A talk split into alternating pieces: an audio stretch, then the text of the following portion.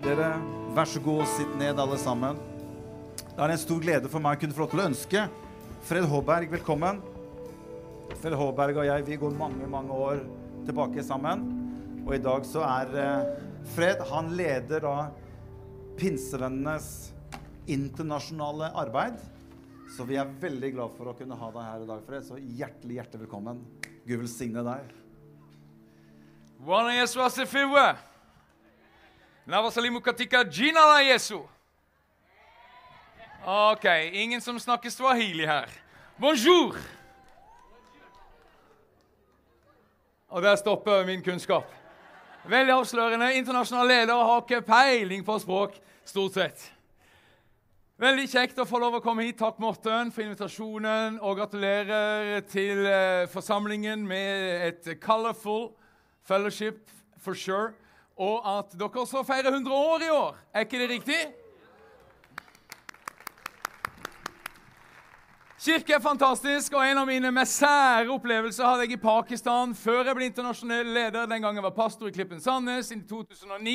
Jeg skulle tale på en uh, ganske nyetablert kirke helt sør i Pakistan. Og Det var kveld, og jeg kom et sted hvor jeg ble fortalt at det sitter 100 mennesker i noe som var en slags steinhage, liksom på, en, på innsida av et gjerde, men samtidig utendørs. Men det var ingen strøm, så jeg så jo ikke noen. Og Så begynte de med lovsangen, og det var sånn her, eh, sånn spille på eh, sånn, eh, Jeg vet ikke hva det kalles engang. Slags piano med sånn blåsebelg. Og det var utrolig fremmedartet, og jeg satt og kjente meg bare fullstendig lost in space. Ikke så jeg de skulle tale til, hadde aldri hørt en sånn type lovsang. Jeg visste ikke hva slags folk jeg hadde havna hos, og jeg tenkte hvordan gjør jeg det her? Og da gjør man jo det eneste som man vet virker overalt uansett. Det er at man sier du kan ikke, vi, kan ikke vi synge den sangen vi alle kan? Halleluja, halleluja Og så begynte de å synge akkurat som dere. Halleluja Hører du at du synger? Halleluja Og så var det alle kulturforskjeller var viska vekk. Plutselig så var vi de samme. Vi var det samme folket. Vi var Guds folk. Vi hadde lært halleluja, og jeg kjente uh, Nå tror jeg jeg skal tørre å preke. Så hvis du tenkte at dette var en måte, en sånn icebreaker, så var det akkurat det det var. Det er veldig stas å kunne registrere Sandvika som en av de kirkene i pinsebevegelsen som på mange måter er en pioner når det gjelder det internasjonale arbeidet. og Man kan bruke masse ord. Vi ser flaggene. Det er mange ulike nasjonaliteter. og Det har ikke skjedd i går. Det har vært sånn i årevis. Og Det har vært inspirasjon for oss pinsebevegelsen. Som internasjonal leder så er det både misjonen, som dere har vært og er engasjert i på så mange steder, og også det internasjonale miljøet i Norge. Og Dere er et forbilde, og jeg vil bare gratulere med det som denne kirken representerer. Jeg har et bibelvers som jeg er litt usikker på om jeg har tenkt klokt nok på at her er det masse barn og at de skal prøve å synes det er spennende, det jeg har å si. Så vi får se om vi henger på. Men iallfall Efesene 6, 10 og utover er det jeg hadde lyst til å dele på en dag som denne. Og så får du da ha i bakhodet at jeg først når jeg satt her, visste at dette nei da, dette er ikke en dag hvor vi skal markere 100-årsjubileet. Det trodde jeg. Men i alle fall, dette kan være et ord til oppmuntring for oss i parken i dag, der vi sitter og et fargerikt fellesskap som samtidig runder en viktig milepæl i kirkens historie. Og Vi leser sammen fra Efesene 6, vers 10 til og med vers 20, og det står i Jesu navn. Til slutt bli sterke i Herren, i Hans veldige kraft. Ta på Guds fulle rustning, så dere kan stå imot djevelens listige knep. For vår kamp er ikke mot kjøtt og blod, men mot makter og åndskrefter, mot verdens herskere i dette mørket, mot ondskapens ånde her i himmelrommet. Ta derfor på Guds fulle rustning, så dere kan gjøre motstand på den onde dag og bli stående etter å ha overvunnet alt. Stå da fast, spenn sannhetens belte om livet og kle dere i rettferdighetens brynje. Stå klar med fredens evangelium som sko på føttene, og hold alltid troens skjold høyt. Med det kan dere slukke alle den ondes brennende piler og ta imot frelsens hjelm og åndens sverd, som er Guds ord. Gjør dette i bønn og legg alt fram for Gud. Be alltid i ånden. Våk og hold ut i bønn for alle de hellige, også for meg. Be om at de rette ordene må bli gitt meg når jeg skal tale, så jeg fremodig kan gjøre evangeliets mysterium kjent, det som jeg er sendebud for, også mens jeg er i lenker. Be om at jeg ved evangeliet får fremodighet til å tale slik jeg skal. Amen. Slik lyder Herrens ord. Her er det for meg en slags historiefortelling som jeg vil foreslå passe denne kirka.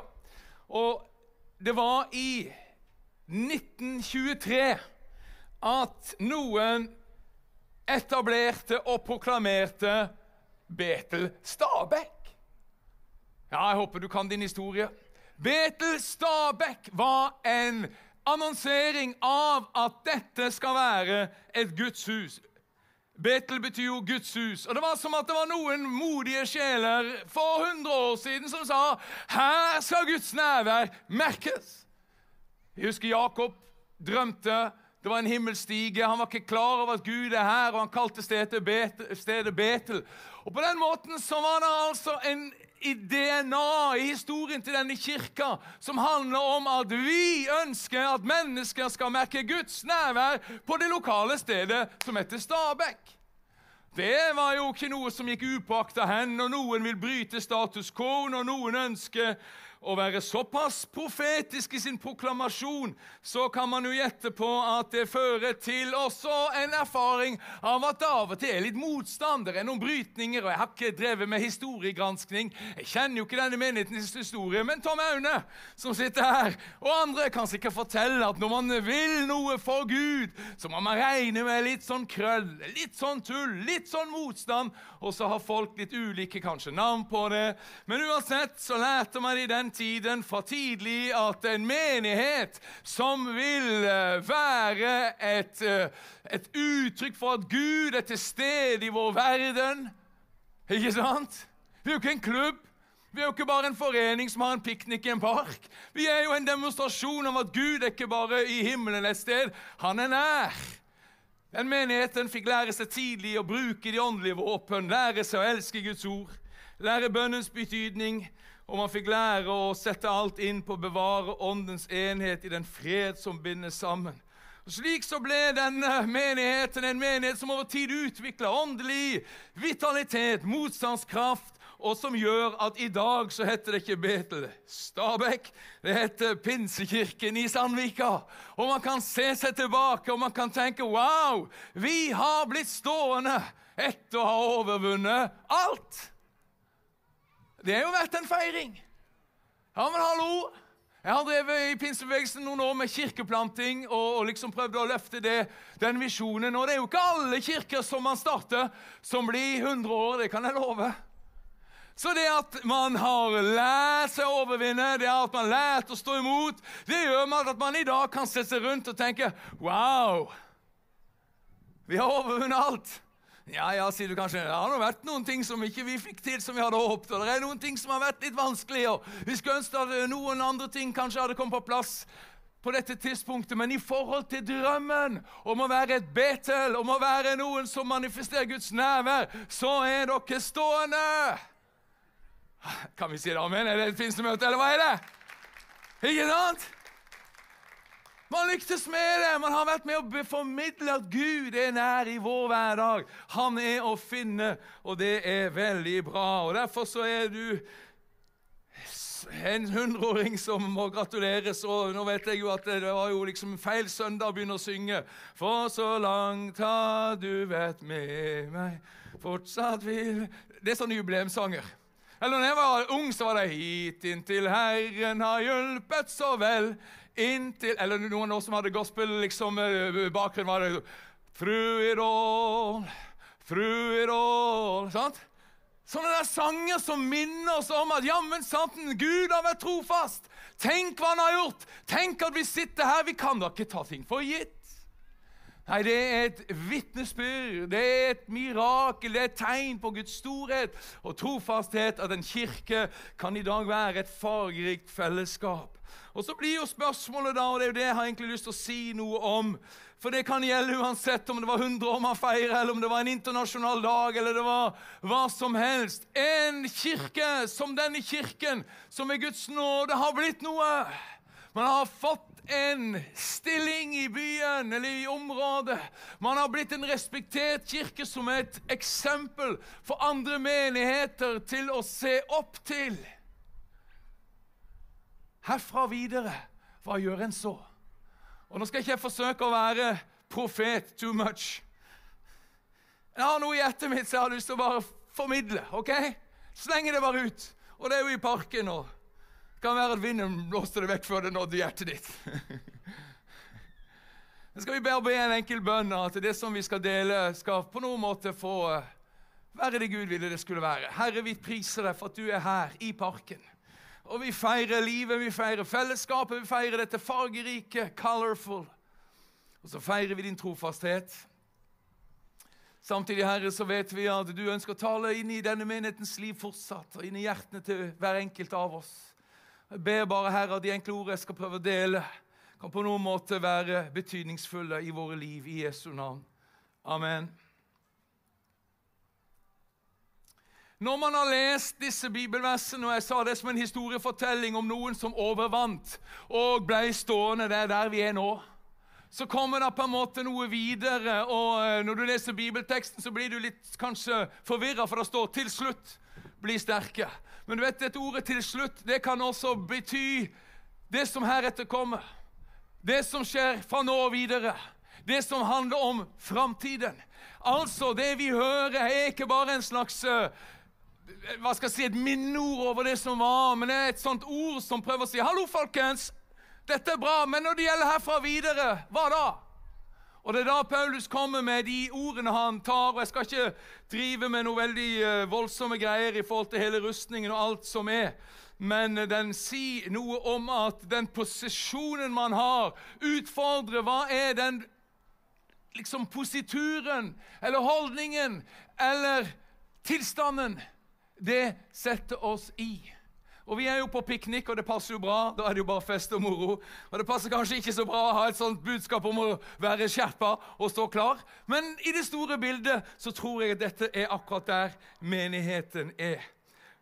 Bibelen sier det. Stå da fast, spenn beltet om livet. Andre bibeloversettelser gjør ingen punktum der.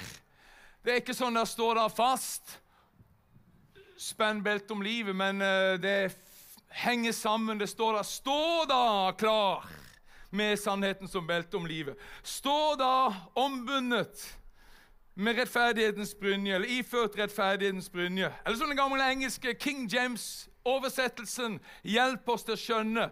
Etter man overvinner, altså si den 'stand therefore girded'. Så her er vi. All right. Da har det skjedd noe bra i historien. Vi har slått fast det. Vi sitter på et bra sted i dag. Vi har slått fast det. Og så blir spørsmålet hvordan står vi nå? Hva er tilstanden vi opplever at vi er i innenfor det som ligger foran? Hva fyller våre hjerter? Hva fyller våre tanker? For det finnes altså en sammenheng mellom den stilling som vi har fått, den posisjonen vi har, og hvordan vi også lar det påvirke oss. Og uh, Vi kjenner kanskje bibelversene. Det står om å stå om hylla eller omfavne Guds ord, være bundet om livet med det som et sannhetens belte. Vi leser om det å ha ordet som, om rettferdighet som noe som alle kjenner seg kledd i. Og Jeg kan ikke ta et bibelstudie, men dette som er grunnvollet for hele menigheten, hva Jesus har gjort i sin døde oppstandelse, og hvordan vi feirer det. Det hjelper mennesker å ha et fortrolig forhold til ord om rettferdighet, slik at det er noe en sjøl er kledd i og lever i. Og det er nødvendig at man ikke bare dras med i dragsug og blir en, som blir en hangaround i en forsamling med framgang. Men du må stå på en sånn måte at dette ordet om rettferdighet også blir en brynje i ditt liv. Noe du er iført, noe du kjenner deg igjen i. Ja, jeg har mitt ståsted i Kristus. Derfor står jeg støtt. Og så leser vi videre at du skal også være i en bevegelig tilstand, ha som sko på føttene den rettferdighet som fredens evangelium gir. Hva betyr det? Jo, jeg vil si, kjære forsamling Stå slik for det videre at du beholder den stilling du har fått. Når man passerer en milepæl, så er det tid for å reflektere rundt hva er det Gud har lært oss som viktig. Og hvordan kan vi sørge for at vi tar vare på noe av det som våre forløpere, forfedre, de som gikk foran, fant ut å være de åndelige kraftkilder som gjorde vi brøt igjennom? Kjære deg og meg, det skal vi ta vare på. Amen. Vi tar det med oss. Vi går videre inn i det som ligger foran, med en bevissthet om at det er ting som ble viktig før, som er viktig videre, slik at vi kan stå, slik at vi beholder den stillingen. Men vi skal ikke bare stå der vi står, men vi vil også stå på en slik måte at vi kan gå videre. En gang dette hele starta, så var det noen som proklamerte et Betel. I dag står menigheten med utrolig mye mer muskler, mye mer kapasitet, mye mer fartstid, og nå er det tid for å proklamere nye Betel til å si Gud, nå er vi i posisjon. Vi ønsker å på ulike måter annonsere ditt nærvær, ditt rike. Og det er jo fantastisk. Tenk å være en hundreåring som er vital og sprek og har visjoner for framtiden. Gratulerer med det. Og når man gjør det, så vet man at det kan jo smelle rundt ørene. Det kan være motstand, det kan være krøll. Det er ikke alle som liker det. Det kan være vanskeligheter. Og Derfor så sier Bibelen at når vi gjør det, så skal vi sørge for å holde opp troens skjold, og vi skal også ta på oss hjelmen. Frelsen, håpet, det som han har gitt oss i evangeliet om hvordan vi vet at selv om at eh, dere kan være setbacks i alle forsamlinger, selv om at ikke alle visjoner automatisk slår til, så har Gud kledd sinnet vårt, tankelivet vårt, med håp som er urokkelig. Han har begynt på noe som en gang skal fullføres. Du vet at Det høres litt sånn freidig ut fra en bitte liten gruppe. Jeg vet ikke hvor mange tom det var som sa Betel skal være liksom en realitet. De var en håndfull, kanskje. Det virker kanskje litt sånn småkjekt at det er noen som på et lite sted eller på et sted sier her skal Guds nærvær kjennes. Men vet du hva? De hadde så rett. Bibelen forteller oss at hele vår klode skal en gang bli et eneste stort Betel. Vet vi det?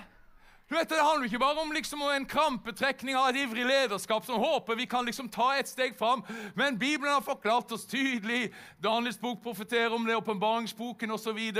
At det var en stein som ble revet løs, men ikke med hender, som knuste verdensrikene, men sjøl så oppfylte den hele planeten. Guds rike, at Jesus Kristus har stått opp fra de døde, det har innvarsla at vi er på vei mot en tid hvor hele vårt tilværelse tilværelse, hele kloden, skal bli et Betel. Gud skal fylle alt i alle. Han skal tørke vekk hver tåre. Han kommer tilbake i sin fylde. Og Derfor er menigheten et slags profetisk forvarsel om noe som holder på å skje. Skjønner vi det? Hvordan står vi innenfor det som er foran? Tenker vi at ja, men vi har fått til det som vi kunne? Nei, nå må vi på nytt proklamere.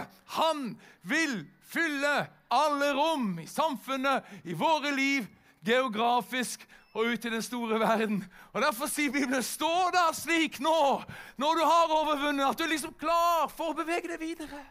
Stå nå slik at du har de tankene i hodet som henger sammen med, med Guds eget ord, som sier noe.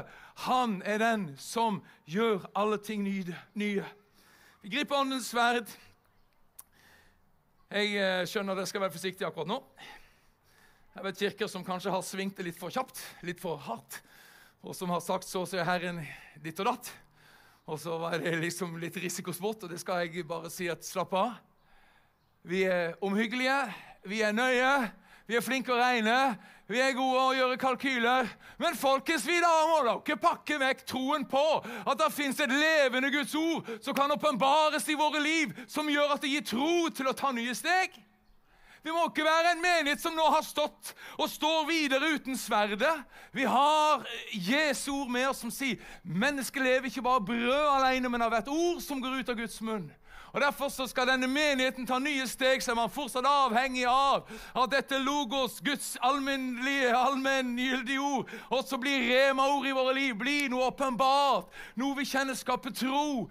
Vi vil bevege oss. Er vi med på det? Ja, det var ikke alle, men ok, det er greit. Morten vil rydde opp etterpå. Gjør dette i bønn. Som andre ord, Vi står ikke bare slik at vi blir stående, men vi står på en måte som gjør at vi er i stand til å gå videre.